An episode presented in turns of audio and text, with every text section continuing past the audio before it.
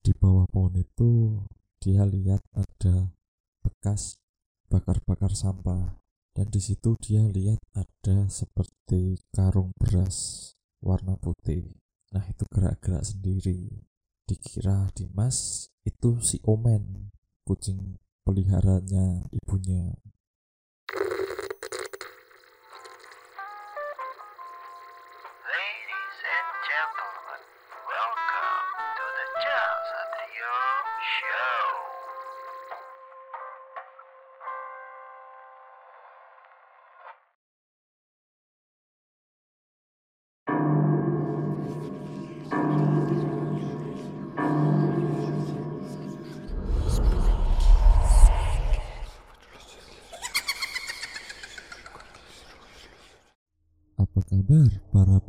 wedangan? Kembali lagi di Wedangan Cak Satrio di mana kalian bisa ngedengerin cerita-cerita asik, seru, dan cerita-cerita misteri. Dan hanya dengan saya, Satria, yang akan membagikan kisah-kisah misteri di Spooky Second Week. Sebelum aku membagikan cerita misteri pada episode kali ini, aku mau tanya kepada para pendengar nih. Pernah nggak terbesit di pikiran kalian gimana sih rasanya jadi mereka yang punya indera keenam atau mereka yang sudah dibukakan mata batinnya? Atau mungkin malah kalian juga pernah kepikiran ya untuk dibukakan mata batinnya ya, biar bisa melihat mereka yang tak kasat mata. Dulu aku juga pernah kepikiran, nah kayaknya keren kalau misal mata batinku dibuka. Jadi aku bisa melihat mereka yang tak kasat mata. Jadi biar kelihatan beda gitu loh dari teman-temanku yang biasa, dari mereka yang nggak bisa lihat gitu. Tapi eh, semakin ke sini, semakin lama itu keinginan itu mulai memudar, dibarengi dengan cerita dari teman-temanku yang dia itu punya indera keenam. Jadi setelah dengar cerita-cerita mereka itu aku juga mikir dua kali kalau mau dibukakan mata batinnya. Dan akhirnya aku urungkan niatku untuk dibukakan mata batinku.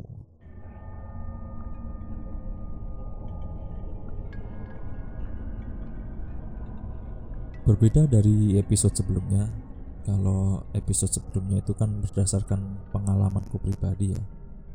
Tapi pada episode kali ini aku akan membagikan cerita dari temanku yang dia itu dibukakan mata batinnya tanpa sepengetahuan dia. Sebut saja temanku itu namanya Dimas. Jadi si Dimas ini dia itu dulu orang yang gak percaya hantu ya. Jadi karena dia itu belum pernah bertemu atau berinteraksi atau melihat hantu dia tuh nggak percaya. Sampai suatu saat dia itu dibukakan mata batinnya tanpa sepengetahuan dia. Jadi cerita ini bermula ketika si Dimas liburan semester. Jadi pada waktu itu si Dimas kuliah semester 2 dan pada saat itu liburan semester jadi si Dimas memutuskan untuk pulang kampung. Dan pada saat itu siang hari si Dimas prepare untuk menyiapkan barang-barang apa saja yang akan dia bawa ke kampung halamannya. Tidak lupa dia membersihkan kamar kosnya karena dia akan pulang kampung selama beberapa minggu. Setelah selesai prepare dan membersihkan kamar kos jam menunjukkan masih pukul 12 siang. Jadi pada waktu itu daripada di jalan dia kepanasan mending dia istirahat tiduran dulu. Karena kan si Dimas itu pulangnya dia pakai motor. Lalu si Dimas memutuskan untuk tidur. Dengan harapan nanti bangun tidur dia badannya seger stamina-nya full dan siap menempuh perjalanan jauh si Dimas ini merencanakan untuk pulang sekitar jam 3 jadi dia harapannya itu bangun jam 2 jam 3 itu udah siap. Tapi karena efek begadang semalam jadi dia tidur itu terlalu pulas. Bangun-bangun dia kaget. Melihat jam ternyata waktu sudah menunjukkan pukul setengah lima sore. Kelabaan kan dia. Dia mandi kemudian langsung bawa tas yang sudah dia siapkan kunci kamar kos lalu dia berangkat. Perjalanan dari kosan dia sampai ke rumah dia itu menempuh waktu sekitar 2-3 jam. Di tengah perjalanan si Dimas memutuskan untuk mampir warung dan makan dulu karena dari siang dia juga belum makan. Singkat cerita selesai makan waktu menunjukkan pukul 6 seperempat. Dimulai lagi lah perjalanan jauhnya pulang ke rumah. Tidak ada gangguan yang berarti selama perjalanan kemudian dia sampai rumahnya itu sekitar pukul 8 kurang. Lalu si Dimas ketemu dengan bapak ibu dan kakak cowoknya. Dan ternyata di situ juga ada omnya yang lama itu dia udah kerja di Kalimantan. Si omnya ini sebut saja namanya Om Bagio. Dia itu memang terkenal dengan orang yang pintar. Jadi dia punya indera keenam. Om Bagio ini dia sudah bekerja di Kalimantan kurang lebih hampir 8 tahun. Setelah ketemu kangen dengan keluarganya si Dimas ini dia nyantai di luar rumah rokok sama kopi. Kemudian ditemani sama bapak dan Om Bagio itu. Om Bagio itu dia banyak cerita soal hal-hal yang dia itu alami selama di perantauan. Mulai dari susah senangnya sampai kejadian-kejadian yang menarik atau mistis si Dimas cukup tertarik dengan cerita dari omnya soal yang mistis-mistis itu. Tapi dia bilang sama omnya kalau dia itu gak percaya sama hal-hal yang berbau mistis seperti itu. Karena dia sendiri juga ngomong kalau dia itu belum pernah yang namanya kontak dengan mereka yang gak kasat mata. Dan pada waktu itu Om Bagio pesen sama Dimas kalau jangan pernah ngomong lagi seperti itu. Karena sebenarnya kita itu hidup saling berdampingan dengan mereka yang ada di dunia lain. Dengan nada yang sedikit angkuh si Dimas tetap kekeh. Ngomong ke Om Bagio kalau dia itu nggak bakalan percaya. Karena perkataan Dimas tersebut kemudian Om Bagio merasa tertantang. Dia akan menunjukkan Dimas sesuatu dari dunia lain. Tapi bukan waktu itu. Setelah beberapa jam ngobrol temu kangen kemudian si Dimas balik ke kamarnya untuk tidur karena ngerasa capek gara-gara perjalanan jauh. Pukul 2 siang keesokan harinya si Dimas baru nonton TV di ruang tamu. Jadi dia waktu itu nonton film horor dan kebetulan pada saat itu Om Bagio lewat Ditanyalah si Dimas, lagi nonton film apa? Dengan nada sedikit mengejek, Dimas ngomong kalau dia lagi nonton film horor. Tapi setannya itu nggak nakutin, nggak serem, dan nggak logis juga. Gitu. Lalu Om Bagio tanya sama Dimas, kamu kalau bisa lihat, apakah kamu bakal percaya dengan mereka yang gak kasat mata? Lalu si Dimas jawab kalau dia itu sampai sekarang itu belum pernah kontak langsung sama mereka yang gak kasat mata. Kemudian Om Bagio pergi ke dapur. Dia ambil satu gelas air putih. Entah gelas air putih itu diapain, Dimas juga kurang tahu. Dan diberikanlah gelas isi air putih itu kepada Dimas. Dimas suruh minum air putih itu tanpa basa-basi, si Dimas langsung meminum air putih di gelas itu sampai habis. Selang sekitar setengah jam, si Dimas rasa agak pusing dan matanya itu dia agak burem tapi dia nggak curiga sama sekali. Mungkin efek terlalu lama nonton TV pikirnya jadi dia nggak curiga.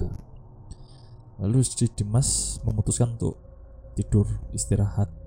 Dia mau mengistirahatkan matanya merem kalau istilah Jawanya. Tidak butuh waktu lama kemudian si Dimas itu tidur. Dia tidur pules banget habis itu ternyata dia bangun itu udah selepas maghrib. Kemudian si Dimas keluar kamar dan mendapati rumahnya itu sepi. Cuman dia masih kedengeran suara kakaknya yang di kamar itu baru teleponan. Rasa agak sumpek di dalam rumah Dimas pun keluar. Dia duduk di teras rumah. Sambil nyerain rokok si Dimas lihat-lihat di depan rumahnya. Jadi di depan rumahnya itu dia ada pekarangan yang besar. Dan di situ ada beberapa pohon. Nah di bawah pohon itu dia melihat sesuatu yang aneh. Di bawah pohon itu dia lihat ada bekas bakar-bakar sampah. Dan di situ dia lihat ada seperti karung beras warna putih. Nah itu gerak-gerak sendiri. Dikira Dimas itu si Omen kucing peliharanya ibunya. Kemudian si Dimas ambil batu dilempar tuh karung putihnya itu. Masih aja tetap gerak. Ya udah disamperin Dimas. Pikirnya mungkin kucingnya itu entah mainan atau mungkin entah kejebak atau keikat tali di situ. Dimas maju selang beberapa meter. Karung itu tiba-tiba diam. Diam aja tapi si Dimas tetap maju dia. Maju setelah sekitar tiga atau empat langkah dari karung itu tiba-tiba karung itu terbalik terbalik sendiri. Dan di situ Dimas melihat sesuatu yang pertama kali dia lihat. Dia lihat sesosok tubuh yang tertidur dililit kain putih dan dengan muka yang kosong. Mata yang merah menatap tajam ke arah Dimas. Dimas hanya terpaku. Dia nggak percaya apa yang dia lihat. Dan seketika sosok itu dengan senyum lebar tanpa bibir hanya gigi saja. Tubuh itu menggeliat dengan cepat ke arah Dimas. Seketika si Dimas pun kaget. Dia berteriak dan akhirnya Dimas pun tidak sadarkan diri.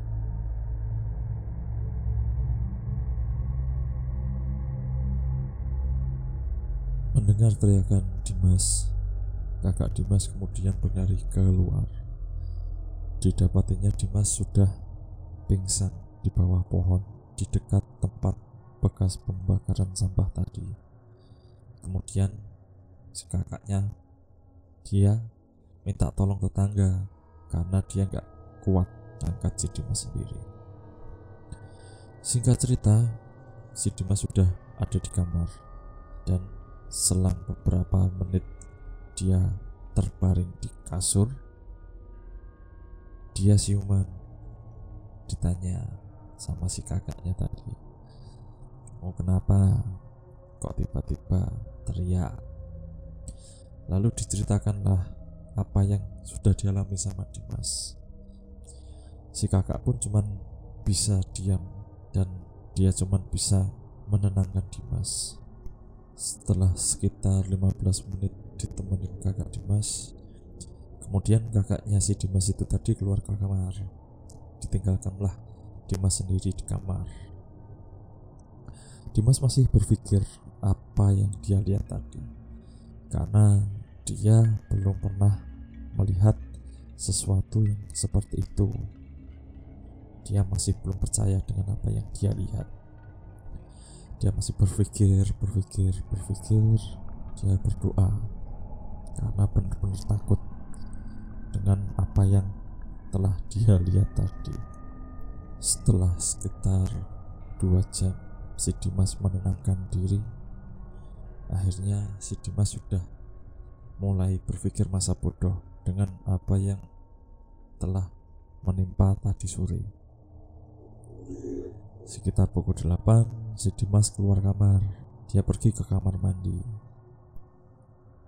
Merasa agak ada sesuatu yang gak beres. Si Dimas sempat mau mengurungkan niatnya ke kamar mandi. Dia sempat berpikir untuk mengajak kakaknya untuk nemenin dia ke kamar mandi.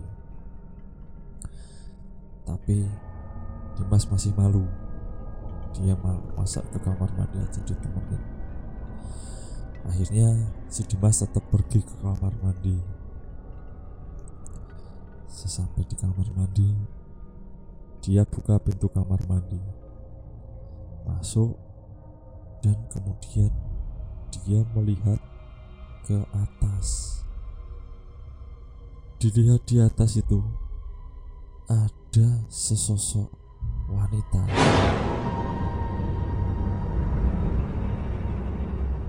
Dengan jubah putih, rambut yang acak-acakan, mata yang tajam melihat ke arah Dimas. Dan yang lebih serem lagi, si Dimas melihat lidah wanita itu sangat-sangat panjang. Dari atas sampai menyentuh lantai kamar mandi. Kemudian si Dimas cuman bisa berdiri kaku melihat apa yang ada di atap kamar mandi itu. Dan dengan suara yang berat, si wanita yang ada di kamar mandi itu ngomong ke Dimas. Ngapain kamu lihat-lihat saya? Si Dimas cuman masih bisa berdiri kaku. Dia nggak bisa menggerakkan kaki atau tangannya. Dan yang lebih serem lagi, si Dimas nggak bisa memalingkan tatapannya dari wanita itu. Dan dengan suara tertawa yang melengking, si wanita itu menggerak-gerakkan kepalanya, melihat tajam ke arah Dimas. Dimas cuma bisa pasrah melihat apa yang ada di depan mata dia. Sekitar 15 detik mereka saling bertatapan. Akhirnya si Dimas tidak sadarkan diri lagi. Entah berapa lama si Dimas tidak sadarkan diri di kamar mandi. Dia tahu-tahu siuman itu sudah di kamar. Dan ternyata yang nolongin itu kakaknya. Kemudian si kakak Dimas itu manggil orang tua Dimas dan omnya tadi, Om Bagio. Waktu itu jam menunjukkan sekitar pukul setengah sebelas. Jadi cukup lama juga si Dimas pingsan. Bapak Ibu Dimas masuk, Om Bagio masuk, dan ditanya dan diceritain lah apa yang sudah dialami Dimas tadi. Si Dimas ceritain secara komplit apa yang dia lihat waktu maghrib tadi dan pas di kamar mandi tadi. Kemudian Om Bagio ngomong, dia menjelaskan apa yang sudah menimpa Dimas dan dia mengakui kalau mata batin Dimas dibukakan Om Bagio tanpa sepengetahuan Dimas. Kemudian Om Bagio minta maaf dan Om Bagio mencoba mengobati Dimas. Dia mencoba menutup mata batin Dimas. Tapi yang namanya sudah dibuka, pasti dong. Untuk menutupnya itu nggak serapet dulu waktu masih asli orisinil. Dan akhirnya si Dimas dia masih bisa melihat tapi cuman samar-samar. Nggak sejelas apa yang telah dia alami. Akhirnya si Dimas pun pasrah. Dia cuman bisa menerima apa yang telah terjadi dan menjadikan itu suatu pelajaran. Dia sadar kalau dia itu sebenarnya juga salah karena dia telah ngomong seenaknya sendiri jadi membuat Om Bagio itu dia ingin menunjukkan ke Dimas bahwa kita itu hidup saling berdampingan dengan mereka yang ada di dunia lain.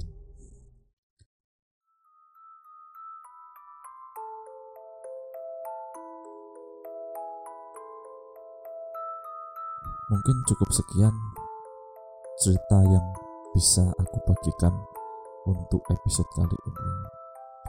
Terima kasih untuk para pendengar yang sudah meluangkan waktunya untuk mendengarkan cerita-cerita misteri dari Wedangan Cak Satrio. Mungkin kalian bisa membagikan cerita-cerita kalian di kolom komentar atau via DM di Instagram. Jangan lupa like, subscribe, dan share untuk membagikan kisah-kisah kami ke orang lain. Terima kasih untuk waktunya. Cukup sekian dan matur nuwun.